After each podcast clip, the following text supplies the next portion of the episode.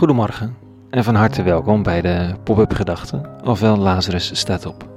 Ik ben Rico en ik schrijf ochtends overwegingen om de dag mee te beginnen. Vandaag met de titel Hij heeft er plezier in. Pop-up Gedachten woensdag 15 juli 2020.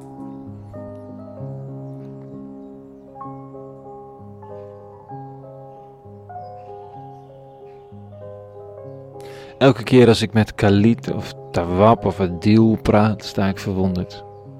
De een woont op Lesbos, net buiten kamp Moria, gevlucht uit Iran.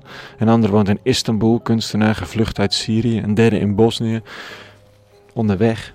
Hun levensweg is niet te benijden. Alles achterlaten omdat het niet anders kan. Alleen of met je ouders een route gaan die zoveel onzekerheid en verschrikking meebrengt. En dan vastlopen in het systeem en geen kant meer op kunnen. Tenminste, zo lijkt het. Dan vraag ik de een hoe te dealen met die onzekerheid. Hoe je dat overleeft, dat niet weten. We kennen het nog maar heel kort in Europa, wat dat is. Pas sinds COVID-19 weten we wat het is om niets te weten, om geen kant uit te kunnen en enkel met je geliefde te kunnen praten via videobellen. Hoe deal je daarmee?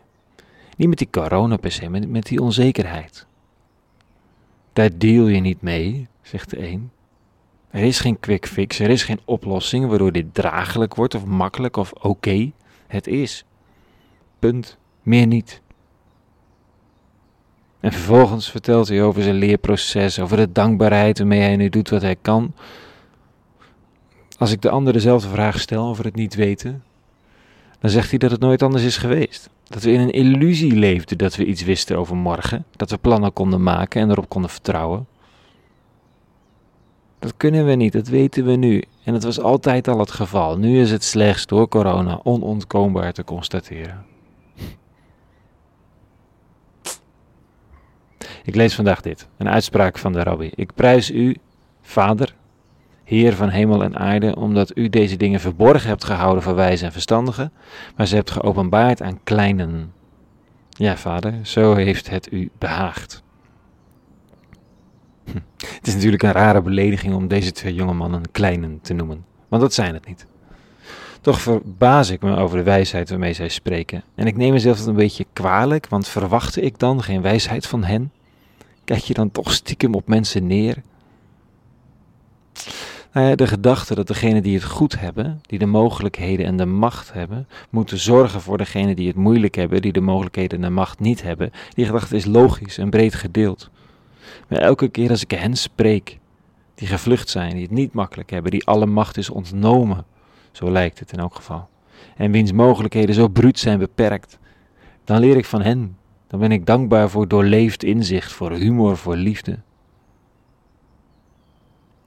U hebt het verborgen gehouden voor degenen die de middelen en de mogelijkheden hebben, en ze geopenbaard aan degene die hen die dat ontbreekt. Zo ging het toen, zo gaat het nog steeds. En waarom? Nou ja, omdat de, het het eeuwige behaagt. Omdat hij er lol in heeft.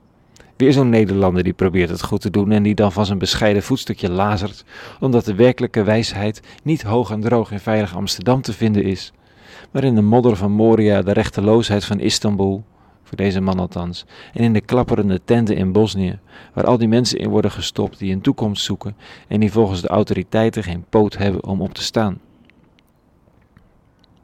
Kijk, ergens vind ik het onderscheid in de tekst van wijze en verstandige en kleine, maar ingewikkeld. Wie zijn dan de kleine? De boeren zullen het zeggen dat ze het zijn, de aanhang van Baudet zegt het ook, de andere kent zegt, zegt het net zo hard. Maar de plek waar ik het heb ervaren, is in de online en eerder offline gesprekken met mensen op de vlucht, de rechtelozen en machtelozen in Europa. En de eeuwige heeft er plezier in Terwijl ik mezelf toch een beetje verbeter en verwijt dat ik het niet goed zie of doe, wordt er boven gegrinnikt. Dat heb ik maar mooi omgekeerd. Nou moeten ze allemaal uit een veilige plekje komen, uit hun studeerkamers en van de universiteiten vandaan, als ze werkelijk verder willen komen. Ik zal ze wel brengen naar de randen van hun comfortzones en daar een begin maken met uitleggen wat ze zochten.